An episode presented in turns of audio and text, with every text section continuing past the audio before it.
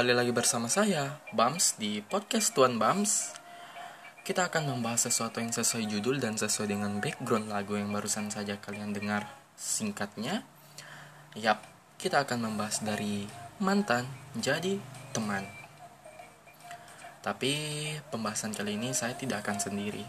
Saya akan ditemani oleh seorang kawan yang luar biasa dia merupakan salah satu finalis Miss Indonesia 2020. Siapakah dia? Kita dengarkan dulu lagu ini dan akan kita perkenalkan dia.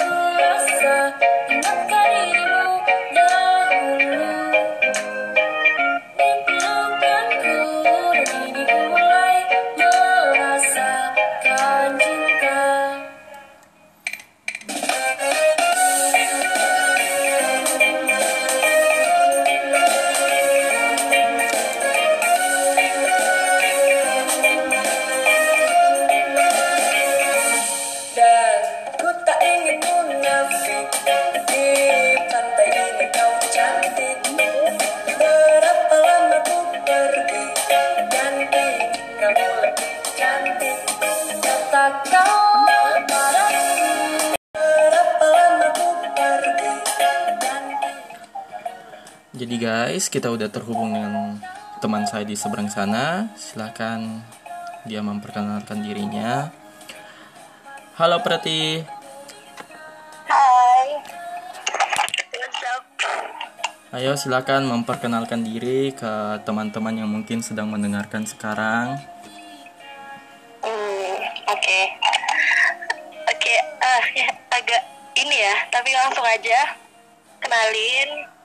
Aku Anissa Preti Musa, biasa dipanggil Hmm. Preti. Eh, aku adalah teman dari Mr. Bam, atau yang biasa disapa Bayu. Hmm, Tapi, aku lebih suka panggil dia Ogep. Oke. Oke. Ini kayaknya buka-bukaan aib ya. Oke. Untuk sekarang aku mahasiswi aktif di Fakultas Hukum Universitas Hasanuddin. Udah semester UNAS. 4 ya. Udah bisa dibilang tua ya, tapi beram still young guys. And then next, kesibukan sekarang ya. Iya, kesibukan sekarang lagi sibuk ngapain mungkin? Karena kita lagi social distancing, of course kesibukan aku tuh di rumah doang, rebahan, kuliah online, Oke. dan lain-lain. Sekarang Yes. rebahan sudah termasuk kesibukan yang didukung negara Betul, cara kita membantu pemerintah. daripada tidak menjadi apa-apa. Ada baiknya mendukung pemerintah dengan cara rebahan. Ya, tepat sekali bro. Oke, tadi kan kita sudah bahas lebih awal apa yang akan kita bahas hari ini, Preti. Mhm. Eh, mungkin dari pengalaman Preti ini dalam menjalin hubungan itu kayaknya apa sih yang membuat kita menggelari seseorang sebagai mantan? Bisa diulangi lagi nggak? Kurang Eh, denger. Oke, eh, apa yang membuat Preti apa yang membuat Preti menggelari seseorang sebagai mantan? Apa yang membuat aku Mm, menggelari seseorang sebagai mantan. ini pertanyaan yang sensitif ya guys. Mm-mm. Kalian juga harus berpikir, berpikir sebenarnya eh, kenapa kita bisa menggelari seseorang itu dengan sebutan mantan. Eh, jadi menurut ini menurut pengalaman ya. Iya. Of course, aku udah udah pernah menjalani hubungan ya mengakibatkan adanya gelar mantan di akhir kisah kami. Jadi Wais. menurut aku mantan itu adalah seseorang yang pernah menjalin kisah kasih yang manis tapi bukan gula dan berakhir pahit tapi bukan kopi. Jadi siapakah dia? Cangkirkah dia? Gak perlu tahu ya. Iya anonim aja. Jadi uh, kalau menurut Preti mantan itu sesuatu yang manis tapi juga pahit di saat bersamaan. Pahit. Yaps, betul. Oke, mungkin dari kenapa sih seorang seseorang mengambil keputusan untuk putus sama mantan dari pandangan Preti sendiri? Entah itu karena Hmm, ini menurut pengalaman atau pengalaman teman? ya bebas. Kalau Preti mau cerita sebagai pengalaman pribadi silakan, pengalaman teman juga silakan. Ini berasa diulik ya masa lalu. Oke, kalau Jadi, oke, karena aku baik hati dan tidak sombong, Mhm. bakalan pakai dua persepsi nih dari sudut pandang teman-teman aku. Eh, aku punya salah satu teman yang lumayan bucin, lumayan bucin. lumayan bucin, Oke. dan untuk di beberapa momen dia pacaran, aku selalu ada di momen dia putus. Ah, kayaknya kamu menjadi pembawa sial deh. Gak gitu juga kali ya Allah. Ah. Terus, Jadi kalau menurut observasi aku kadang-kadang alasan bukan kadang-kadang sih sebagian besar bahkan kalian teman-teman yang lagi dengar mungkin alasan kalian putus dari pasangan itu eh, karena tidak ada kecocokan antara satu sama yang lain ya dan dua bosan itu kalau bosan bukan cuma dari persepsi teman aku tapi aku juga sendiri kalau di kisah aku jujur aku putusin pacar aku tuh karena bosan iya. at least itu dua aja deh nggak cocok sama bosan Oke. clear Nggak cocok sama bosan. Tapi kalau dari pandangan aku sendiri, menurutku ah, ada lagi ornamen penting dari hal yang membuat kita putus sama pasangan kita. apaan tuh Yang pertama, komunikasi yang kurang. aha Yang iya kedua, betul yang kedua, terlalu banyak kecocokan berbeda sama pandangan Preti. Kenapa hal ini menjadi dua alasan menur- menurutku? Karena yang pertama, Mhm. kurangnya komunikasi. Apalagi di saat jarak bukan sebuah masalah dan malah menjadikan komunikasi semakin kurang. Di sini kadang-kadang kita mencari masalah untuk mempererat komunikasi, tapi kadang-kadang komunikasi ini malah menjadi jurang yang menenggelamkan kita pada yang awalnya. Jatuh hati menjadi hancur lebur di balik ego sendiri. Iya. gue Kemudian yang iya kedua, and then? Yang kedua tadi terlalu banyak kecocokan. yaps Ini kan- ini bertentangannya dengan pendapat aku Iya. oke Ibaratnya ini, kita menjalin hubungan untuk men- saling menyempurnakan. Berarti ada yang kurang, ada yang lebih. Tetapi apabila sudah banyak kecocokan, otomatis yang kurang sama-sama kurang, yang lebih sama-sama lebih. Nah, Hmm, hal ini yang kemudian bukan saling memotivasi, tapi kita malah saling membandingkan diri satu sama lain. Dan ketika iya kita saling membandang uh, saling membandingkan diri satu sama lain secara tidak langsung kita sudah egois dan tidak mau mengalah. Oke. Terus aku boleh kasih pendapat nggak? Boleh boleh mau banget. gimana gimana? Oke, ini eh kasih timbal balik ya. iya Ya, aku ma- aku bukan Main aku setuju banget kalau komunikasi itu penting dalam sebuah hubungan. Cila, apalagi yang long distance relationship. Banyak kali yang lagi LDR sekarang karena social distancing. ini Komunikasi itu sangat-sangat penting Mm-mm. dan apabila ada sesuatu yang salah kepelintir dikit tuh saat komunikasi nah di situlah bakalan ada lubang kecil yang lama-lama perlahan-lahan bakalan jadi besar dan iya kedua orang ini yang dalam ini akan tenggelam di situ aku setuju Betul. banget itu kita seakan Terus- berpura-pura bahwa tidak ada masalah iya.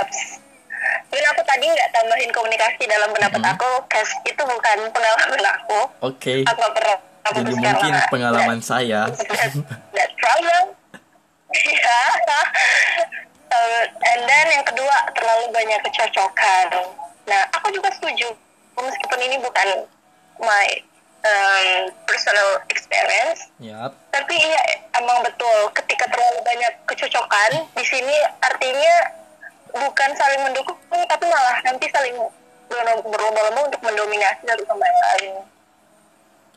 Jadi, at least aku setuju sama pandangan Ogep. Ogep, Oke, oke ya.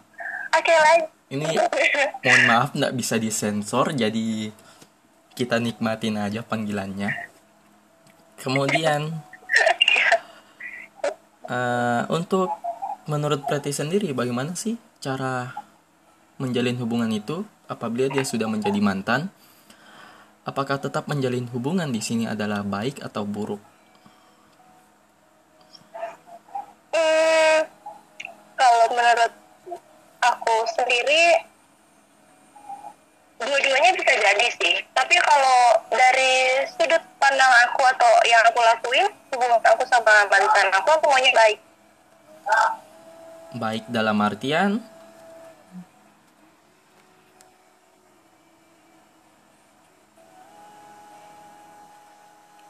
Halo.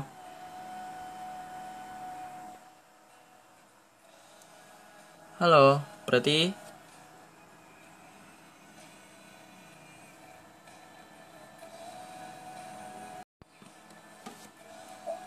Ayo dilanjut berarti. oke Mm-mm. oke kalau untuk hubungan setelah jadi mantan kalau menurut aku aku punya niat buat tetap baik-baik aja sama mereka karena apa salahnya gitu tapi eh, kalau menurut pengalaman sendiri mantan mantan mantan itu kadang-kadang yang buat apa ya pikiran-pikiran yang hmm, yang membuat mereka itu berpikir kalau udah jadi mantan ah nggak bisa temenan. Ah, kayaknya bakalan beda deh atau ya negatif lah. Ya pokoknya kayak ah, kalau udah jadi mantan ya berarti jadi musuh. yaps Padahal sih kalau kenyataan kan sebelum jadi mantan nih kan udah temenan duluan. Nah kalau Preti sendiri mandang kalau putus setelah itu kemudian jadi mantan dan tetap berkomunikasi baik itu gimana? it's it, it's good it means that mereka dewasa Berarti ya? Berarti dalam artian di sini mm, menjalin hubungan dengan mantan ya berarti menunjukkan kedewasaan kita dalam berhubungan bukan sebagai pasangan tetapi Iya. ya sebagai teman, sebagai manusia. iya Tapi kan ada-ada saja ini kejadian yang terlalu baik hubungannya sebagai teman malah balik lagi. Malah balik lagi tuh ke jalan yang udah dilalui Mm-mm. Nah, kira-kira menurut Preti sendiri baiknya itu menurut Apa aku saja? menurut pandangan aku iya, kalau situasinya udah kayak gitu ya iya, baiknya itu Jujur, apa saja? selama aku hidup 19 tahun aku hidup di dunia ini aku gak pernah balikan sama yang namanya mantan Oke. Oke Nggak pernah itu balikan. fakta ya gak pernah balikan sama mantan Tapi silaturahmi tetap jalan. tapi sih silaturahmi tetap jalan dong meskipun ada uh, satu dua orang mantan lah yang awal-awal itu nganggap apa ya agak pokoknya mutusin itulah kontak Mm-mm. pokoknya aneh lah dalam tanda petik ya udah mulai aneh gitu Mm. tapi kalau ada yang memang jalannya balikan itu sih pilihan mereka ya pilihan masing-masing cuman kan ada nih yang pernah bilang balikan sama mantan itu kayak baca buku yang sama dua kali Wais, sebagai penulis tersinggung ini. ya pasti tahu lah ya iya. dirimu kan penulis tahu Mm-mm. tapi kalau menurut aku eh, pandangan per- seseorang pem- seorang pembaca membaca satu buku bakalan beda pandangannya di kali pertama dia baca sama keduanya. Oke. itu pandang pendapatku jadi it's still um, ya udahlah itu pilihan mereka. Karena yang nentuin ending juga itu sih mereka. Karena mereka udah pernah di ending yang sebelumnya jadi seharusnya di hubungan yang baru mereka mulai lagi mereka bisa tahu lah arahnya bakalan ke mana Dan karena Menghindari lubang yang sama. Ya, iya. Betul. Karena pernah karena udah pernah baca bukunya, otomatis mereka tahu ini skenario nya mau ke mana. Tapi siapa tahu mereka mau bikin sequel lagi, ya siapa? Iya, Siapa tahu kan? itu poinnya. Kita seakan menganggap bahwa jatuh cinta itu atau berkomunikasi kembali dengan mantan dan kemudian menjalin hubungan kembali itu ya seperti membaca buku yang sama tapi kita lupa bahwa setiap Ya. buku, setiap penulis bisa saja membuat sequel atas bukunya yang sudah terbit dan itu bisa jadi adalah lahan dia mengubah dirinya agar menjadi lebih baik. Iya betul. Tujuannya sequel ya. Iya. Dan berarti pasti udah tahu di psikologi itu bahas tentang apa. Ada jurnal yang pernah aku baca. Mhm. Itu ada empat faktor yang membuat eh, orang-orang itu orang-orang yang sudah putus tetap menjalin hubungan sama mantannya. Entah itu mantan pacar, mantan tunangan, mantan suami atau istri, atau mantan-mantan lainnya. Nah, yang pertama itu setauku, uh, dia karena merasa bahwa sudah aman. Dengan mantan ini, dia sudah tahu bahwa rahasianya, emosinya pasti aman. Jadi dia seakan sudah menemukan teman terbaik untuk bercerita. Yang kedua itu, untuk teman-teman yang juga mendengarkan, alasan keduanya itu karena uh, sudah ada tuntutan seperti karena sudah ada anak atau punya hubungan dengan keluarganya juga jadi otomatis mereka harus menjaga hubungan itu untuk anaknya atau keluarga lainnya Mhm. yang ketiga ini yang rasa-rasanya seperti jadi pahlawan karena dia menjalin hubungan dengan mantannya karena rasa menghargai Mhm. di sini kalau nggak salah eh, dia menjelaskan bahwa dia bodoh amat sama orang yang sudah menyakiti hatinya tapi dia tetap menghargai orang itu karena meskipun punya masa lalu yang buruk tapi masa lalu yang buruk itu kan tidak secara keseluruhan. Jadi ya dia tetap membuka untuk menjadi temannya. Terus yang ketiga dan yang mungkin para pendengar atau salah satu dari kita juga masih yaitu masih menyimpan rasa sayang yang sama.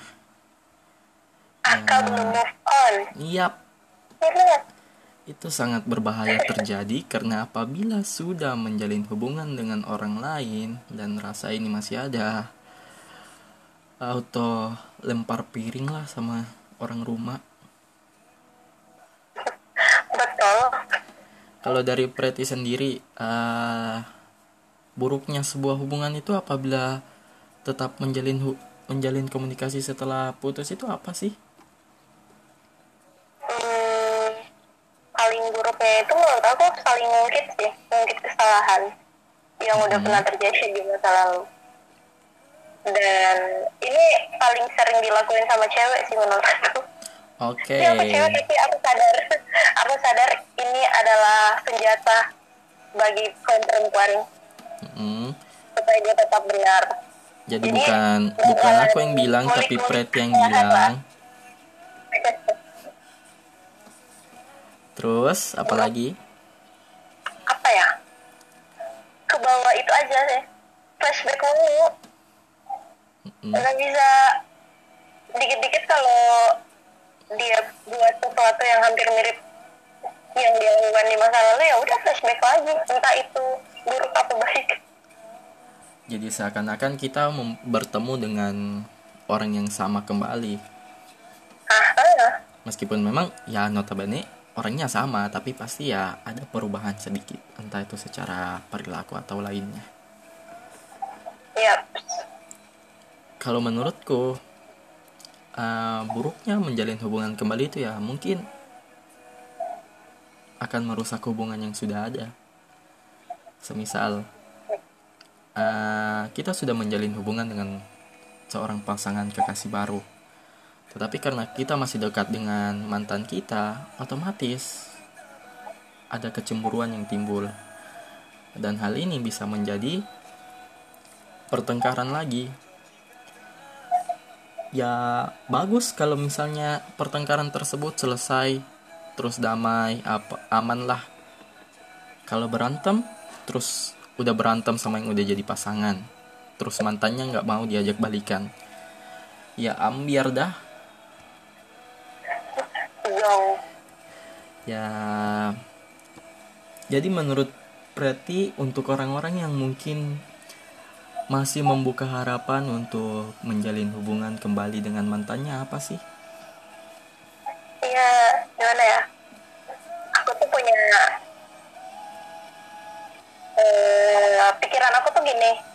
Aku ya. Kalau emang masih ada jalan, ya udah lanjut aja terus. Tapi kalau emang nggak ada jalan, ya jangan dipaksain, jangan hancurin tembok yang ada gitu.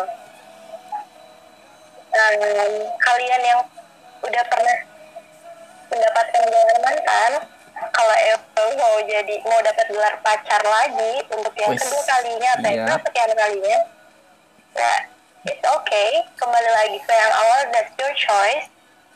Dan aku kalau mau kasih saran, jangan jangan lihat masa lalu, jangan lihat masa lalu sebagai apa ya patokan yang bakalan terjadi sekarang juga. Tapi Hmm, jadikan itu pembelajaran um, untuk beberapa kasus kayak contohnya teman aku dia pernah balikan sama mantan tapi? Tapi di tapi di pikiran dia itu gini dia sugesti diri dia buat yang gimana sih kalau dia jadi kayak kayak dulu?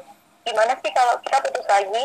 Aku tekankan jangan pikirannya pikirkan yang kayak gitu pikiran yang kayak gitu harus dibuang jauh-jauh. Karena yang kalian pikirin ya itu will happen. Tanpa kalian sadari kalian yang akan memprovokasi mantan atau pacar kalian itu buat melakukan hal yang sama yang awalnya eh gue mau tes gue mau tes nih. Dia masih kayak dulu atau enggak ya? Yaps. Nah kejadian yang sama bakalan terulang lagi dan sebenarnya itu gara-gara kalian sendiri. Dan untuk memulai hubungan baru it means kalian buka lembaran baru tapi bukan berarti lembaran yang sebelumnya itu kalian buang kalian bakar. Enggak. Itu jadi pegangan buat kalian. Jadi keep lakukan aja lah jadi tetap ada kemungkinan untuk menjalin hubungan kembali ya.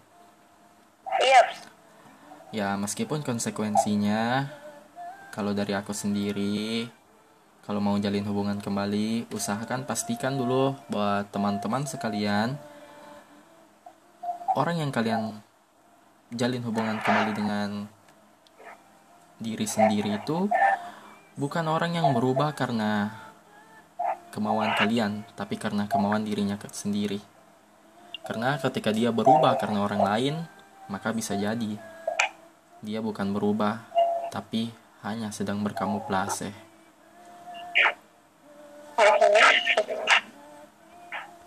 Jadi untuk kesimpulannya apa nih berarti?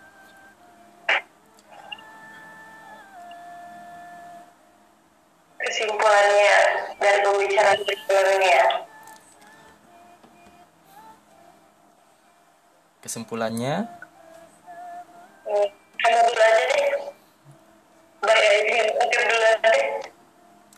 oke, dari aku aja ya. Kesimpulannya ya mungkin untuk teman-teman yang di luar sana yang mungkin masih mencari pasangan atau mau balik sama pasangan. perhatikan baik-baik. Itu mantan apa temanmu? Kemudian dari mantan menjadi teman itu hal yang wajar kok. Tapi ingat dulu kepentinganmu untuk kembali dengan dia itu sebagai teman atau sebagai pacar ulang. Dan tolong sebelum putus, ini kan kita membahas tentang mantan. Usahakan sebelum putus, pikirkan dulu baik-baik. Siap nggak terima gelar mantan? Bisa jadi di jadi usahakan bangun hubungan yang baik. Kalau tidak mampu baik usahakan terus membaik. Dan dari mantan jadi teman kenapa tidak kita balikan? Sekian untuk pembahasan kita malam hari ini. Terima kasih untuk Pret yang udah gabung Sampai jumpa di perbincangan selanjutnya. Salam Tuan Bams.